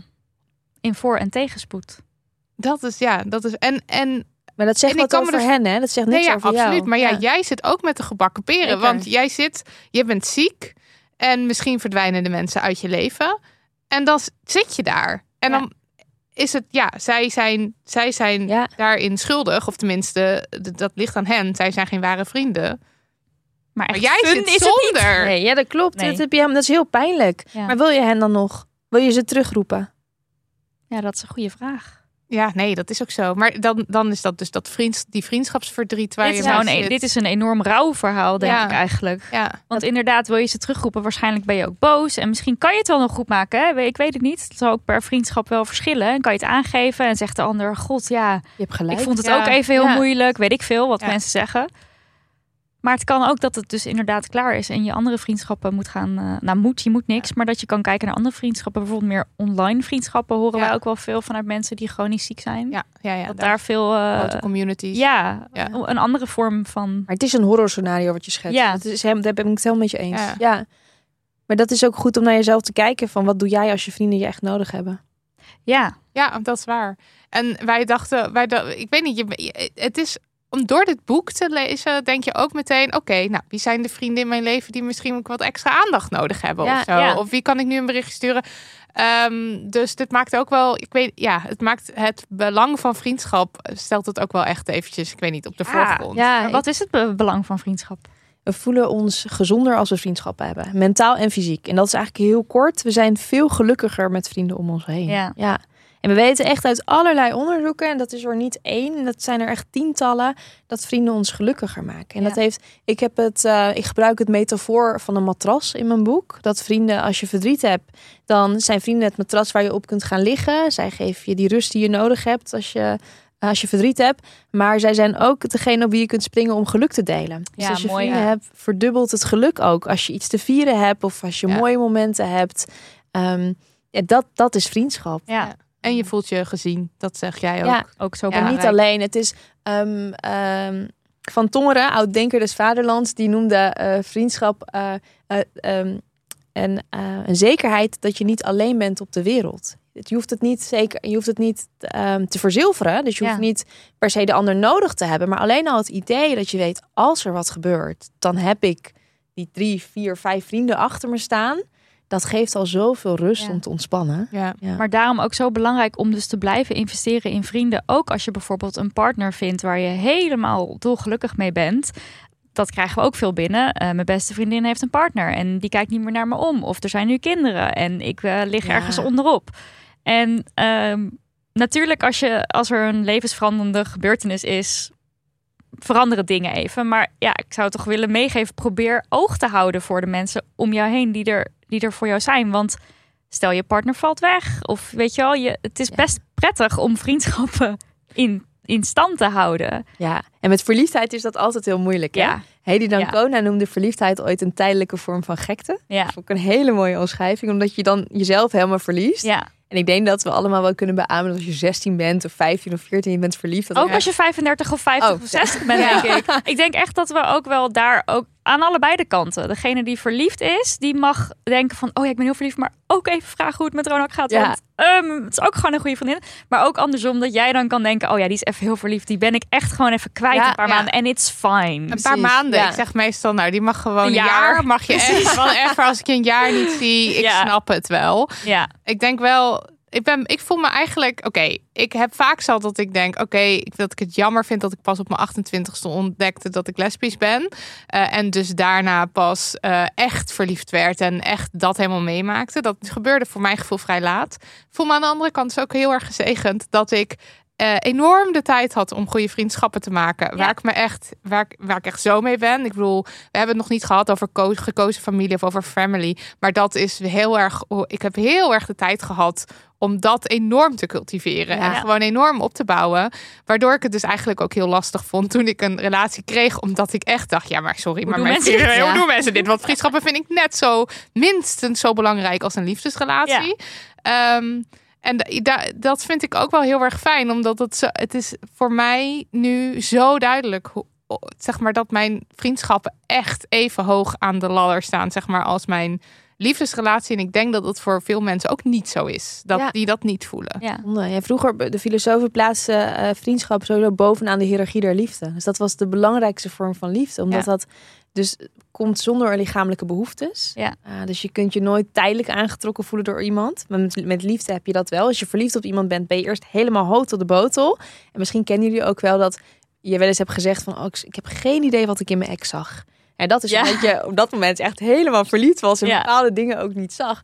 Maar bij vriendschap ga je dus echt met elkaar wat aan Ja. voor de langere termijn. Ja. Dus er komen geen lichamelijke stofjes bij die weer uitdoven. Maar wel vriendschapsverliefdheid, Ja, toch? dat heb je wel hoor. Want ik ben ook wel eens echt gewoon een jaar of twee helemaal infatuated geweest met, met vrienden. Ja, heb ik ook dat wel. ik echt dacht, ik wil gewoon altijd bij je zijn. Altijd gezellig. maar ook met lichamelijke stofjes en kriebels in je buik. En Nou, ja, kriebels per- misschien niet, maar wel niet, echt maar wel eh, echt gewoon dat ik niet kan- gewoon dat ik de hele tijd samen wil zijn. En, en ik, wil dat die, ik wil die vrienden zijn. Ja, en- Heerlijk. En dan dooft dat ook weer, ik zeg maar, niet de vriendschap dooft dan niet uit, maar dan wordt dat gevoel iets minder sterk.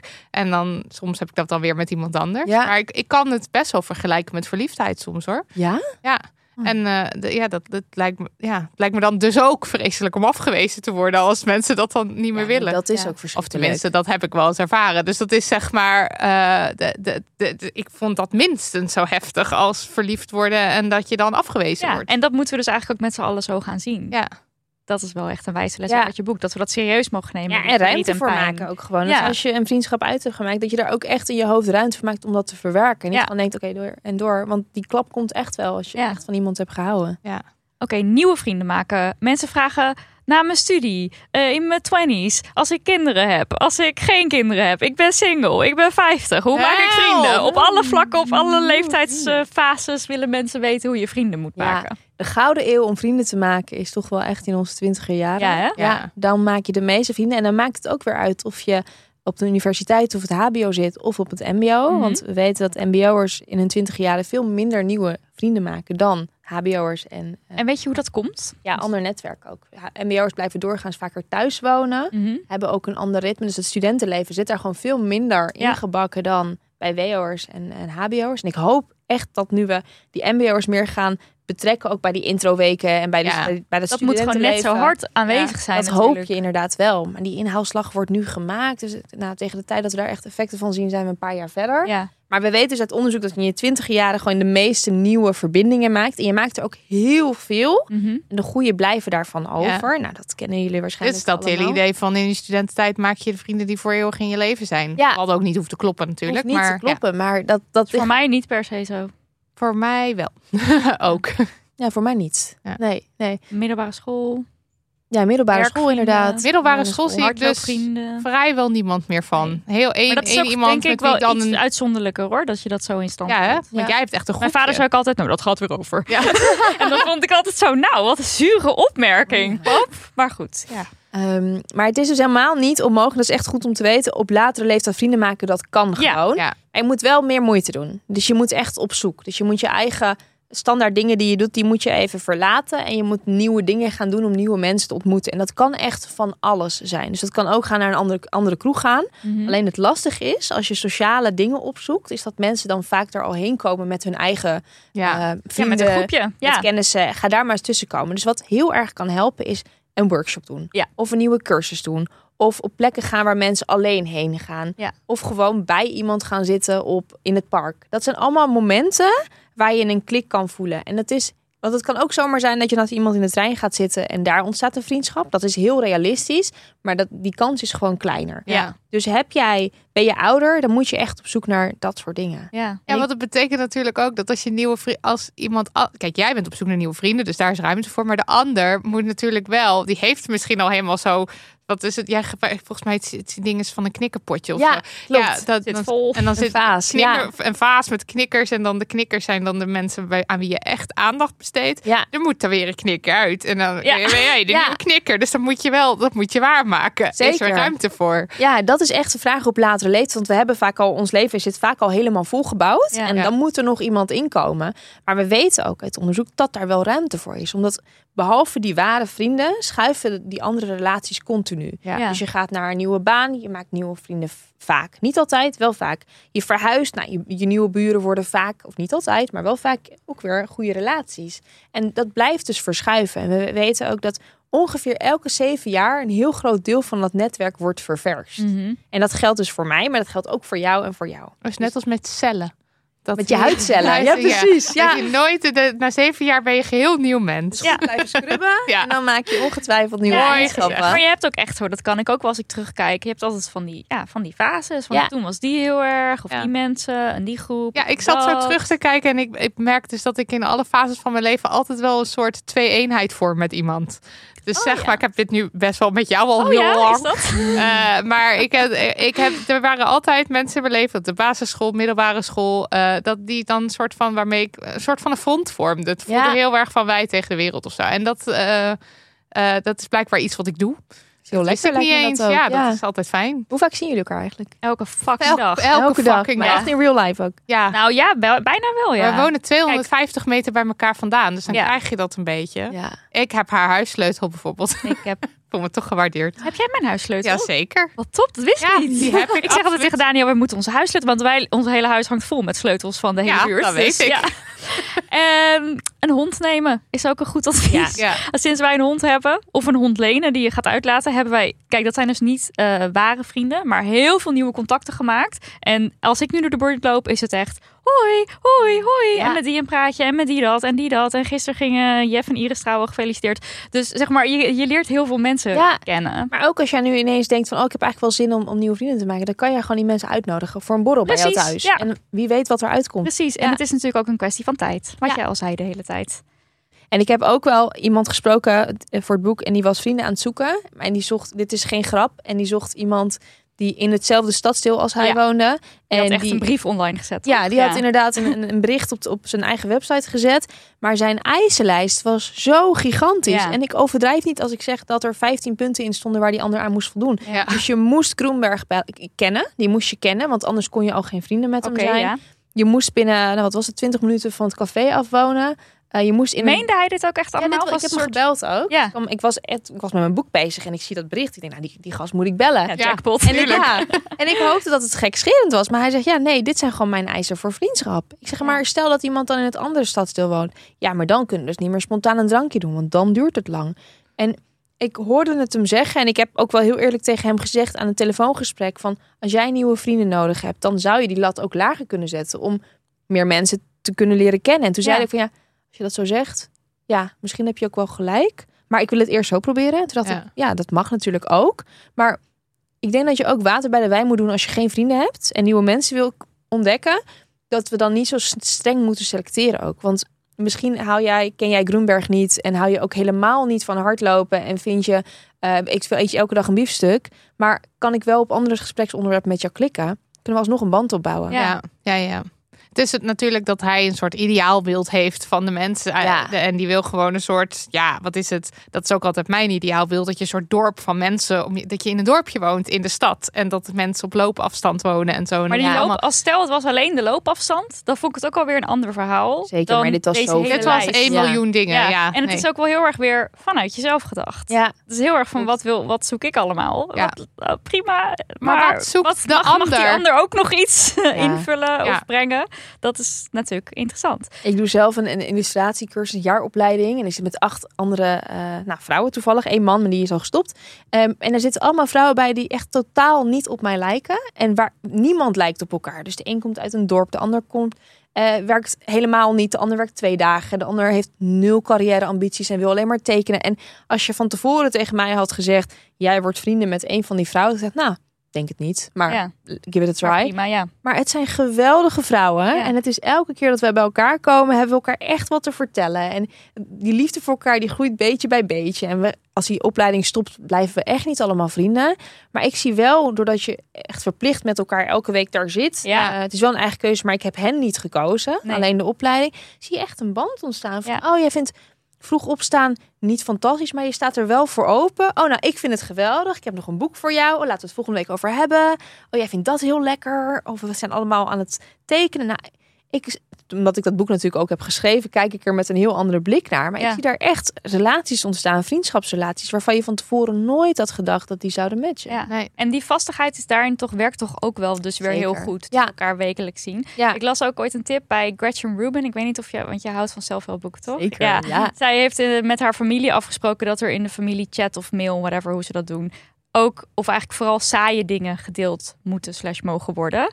En dat doen wij eigenlijk, in mijn vriendengroep doe ik dat eigenlijk veel te weinig. Dus mensen die gaan wel appen van wow, mijn verstandskies is eruit getrokken en ik voel me nu echt fucking shit. En het is fijn dat iemand dat deelt. Maar het is eigenlijk veel leuker als je ook hoort van... Vandaag zag ik een duif. Weet ik veel, zeg maar echt saaie ja. dingen Jij mogen zegt delen. dit en mijn schoonmoeder die doet het dus regelmatig. dat die werkt zo goed. letterlijk, ik zag net een exter. En dan is dat wat het is. Maar die appgroep is ook hoogte. echt veel actiever dan de familiegroep van zeg maar van gewoon mijn eigen familie.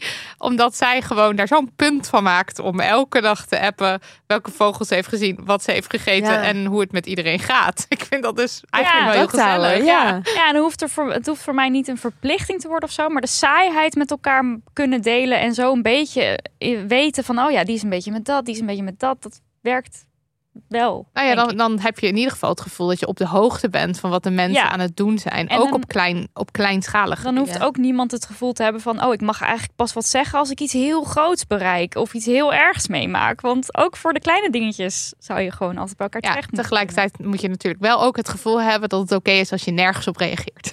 Ja. Nee, precies. Ja. Maar dat, dat is juist bij saaie dingen. Hoef je toch ook niet te reageren. dat is maar je blijft ook gewoon een beetje een in tune met elkaar, Ja. denk ik. Wat reageerde jij toen je schoonmoeder dat stuurde? Nou ja, niks, want ik reageer dus niet op appberichtjes. Ik, dit Oh, jij is- bent- Nee, ik doe Hij dat niet. Ik reageer niet. Laat me alleen. Wat heerlijk. Laat me alleen. Oké, dan. Hoe ga je om met supergoeie vrienden die recht zijn terwijl jij mega links bent? Uitmaken en iemand anders zegt vriendin die veel praat over dun zijn, afvallen. Terwijl ik dieetcultuur al jaren echt probeer af te leren. Kortom, je hebt een vriend, een vriendengroep. En de normen en waarden die zijn ofwel van elkaar af aan het lopen... of die hebben eigenlijk altijd al misschien Ja. helemaal eh, lekker gelegen. Ja, het verschilt per kwestie. Ik heb het zelf ook meegemaakt. Een vriend, vriend van mij die ging eh, in de politiek en die heel actief is hij nog steeds. En die zit ook in de gemeenteraad van een gemeente in Nederland van een partij die echt best wel rechts is. Oh ja. En ik vond het aan het begin mega moeilijk. Ja. Aan het begin echt wel moeilijke discussies. En op een gegeven moment hebben we afgesproken, we gaan het gewoon niet meer over politiek hebben. Ja. Punt. En dat is onze manier geweest om wel vrienden te blijven. Het is niet een act. Heel- We zien elkaar niet wekelijks, we spreken ook niet wekelijks, maar ik hou wel van hem. Ja. En ik vind hem een fantastisch persoon. Maar als het over politiek gaat, dan krijgen wij 100% ruzie. Ja. Dus dat is En kan je dat dan wel echt ontwijken? Ja. Want ik, dit, dit herken ik wel in de zin van dat ik ook een, met een vriendin enorm uit elkaar ben gegroeid. En dan gaat het echt over. Op een gegeven moment hadden wij ook de afspraak. Nou, dan hebben we daar en daar en daar niet meer over. Maar dat bleek zo'n groot onderdeel van gewoon onze levens. Dat, je, dat het niet te ontwijken was. Dus er was altijd weer Ja. frictie. Dat is bij- gigantisch, ja. Bij jullie ging het natuurlijk allebei om jullie grote Kernwaarden. kernwaarden Ja. bij allebei. Ja. Ja. ja, je kan het niet helemaal niet over je passies, je liefdes, je werk. Dat kan je niet volledig. Nee. Kijk, als politiek niet een heel groot onderdeel van de vriendschap is, dan, Dan zou je nog het kunnen wel. zeggen van nou, daar hebben we het niet over. En voor de een is politiek veel belangrijker dan voor de ander. Ja. Dus En het verschilt ook wel waar het in zit er. Want als iemand zegt dieetcultuur en als ik Ja. hier mijn broodje zit te eten en jij gaat tegen mij zeggen pas op je wordt dik. Ja, dan krijgen wij toch echt een ding. Ja. Dat, dat vind ik heel lastig als iemand dat bij elke maaltijd Ja, dus dan gaat het over als iemand anders dus iets het niet eens is met iets wat jou aangaat op een soort echt heel kern in jouw Ja. kernwaarde, dan, dan werkt het gewoon niet. Of tenminste, dat is mijn ervaring nu. Dan kan het gewoon niet meer. Dat, zo klinkt het wel. Ja, maar het is echt per situatie ook aanvoelen van wil je dat dan wel? Ja. Of je kan het ook zijn als je, als je het niet uitmaakt. Ja, dan laat je het Ja, lekker. boeien. Ja. Ja. Maar ik vind het wel heel irritant als iemand dat tegen mij de hele tijd zegt. ja, ik zou er ook echt wel wat van zeggen. In dit specifieke geval. Ja. Ik denk dat we moeten gaan afronden. Oh, ik vind het jammer, want Heerlijk gesprek ik zeg. zit, ik zit er nu pas. Ja, ik zit er nu. Ik, ik lees dat boek. Ik zit mijn vrienden door te nemen. Ik, ik ga misschien wel mensen appen. Ja, doe. Doe. Doe. Ja, terug. Doe het alsjeblieft. Ja, heb je nog een soort laatste, iets laatste advies? of Wijsheid. iets wat je denkt, nou, dat Ja. zou ik nog wel mee willen geven. Spreek ook je liefde actief naar elkaar Ja. uit. Dus niet alleen appen als je iets nodig hebt, of als je vragen hebt, of als je de vriendschap wil bespreken. Ja. Maar als je aan een vriend. Ik zit wel eens op de fiets. Dat vind ik heel leuk. Ik heb een vriend en die heeft een boot. En ik fiets wel eens langs het water waar zijn boot dan ligt. En als ik dan aan hem denk, dan stap ik altijd af en dan app ik hem even. Want ik vind je fantastisch. En dat vind ik zo Oh, leuk om ja. te Dat vind doen. ik cute. Dat, Ja. moet ik echt te vaak doen. Dat moet ik echt vaker doen. Ja. En het is ook leuk als mensen sturen, hey, ik moest net even aan je denken, want ja, dat wordt je zelf ook gewoon even kort, even iets, ja, Ja. zeker. Nou, dat eh, iedereen nu maar even de podcast eh, stop mag zetten. En eh, al je lief vrienden berichtje. appen. Nee, Ja. niet al, want Allemaal. is de lat veel te hoog. Voor stuk. Stuur die ene vriend waar je al de hele tijd aan denkt bij dit gesprek. Stuur die even een appie. Oké. Dit was aflevering 141. Dankjewel, Ranak. Eh, je boek, Even Goede Vrienden, ligt in de winkel. En die winkel, online winkel. winkel. fysieke winkel, noem een winkel. Dat boek ligt daar. Koop het, gaat heen en leest. Show notes van de aflevering vind je op demoney.nl slash aflevering-141. En daar vind je een paar dagen na het verschijnen ook het transcript van deze aflevering. Schattenpatatte Daniel van de Poppen, Lucas de Gier en Lisbeth Smit. Dank jullie wel voor jullie alles zijn. Oh, ik ga jullie appen. Ik ga jullie Ja, appen. Dat love ik you. zo van jullie hou. Weet je van wie ik jou ook echt heel veel hou? Nou, Melissa. Oh. Melissa, onze oudste share, die toch weer even aangeschoven is vandaag. En die zit gewoon weer te typen voor de show notes. Die Ja. gaat de transcripts weer in elkaar Kijk knallen. maar uit, want ik raak er weer aan gewend. Wat een topper. We love you, Melissa. Eh, ook heel veel dank aan de transcriptengelen die eh, Melissa met harde hand aanstuurt. Harde, edoch, zachte hand aanstuurt. Paulien, Yvonne, Imke, Melissa. Eh, nee, er zijn niet twee Melissa's. Dus Nee, er is er gewoon- één. Ja, Ja. Paula, Pieke, Guusje, Maaike, Tess, Anna, Klaartje, Isidore, Maaike, Robin en Julia. Wel twee Maaikes. Ja, en Amber Script, We Love You ook. Dat is de software die de, die de transcripters eh, helpt. Stuur post naar info.demhoney.nl. Dilemma's, levensvragen. Als je zegt ik wil vrienden worden met Demhoney luisteraars. Wij gaan het zorgen, wij gaan het fixen. Stuur het allemaal maar door. Ja, en eh, donateurs zijn ook altijd welkom op petjeaf.com. Nee, ja, petjeaf.com slash damhoney. Ik moest even, even nadenken. Petjeaf.com slash damhoney. En dan kun je ons steunen vanaf 1 euro per maand. Of meer. Of meer. Of niet. Zelf weten.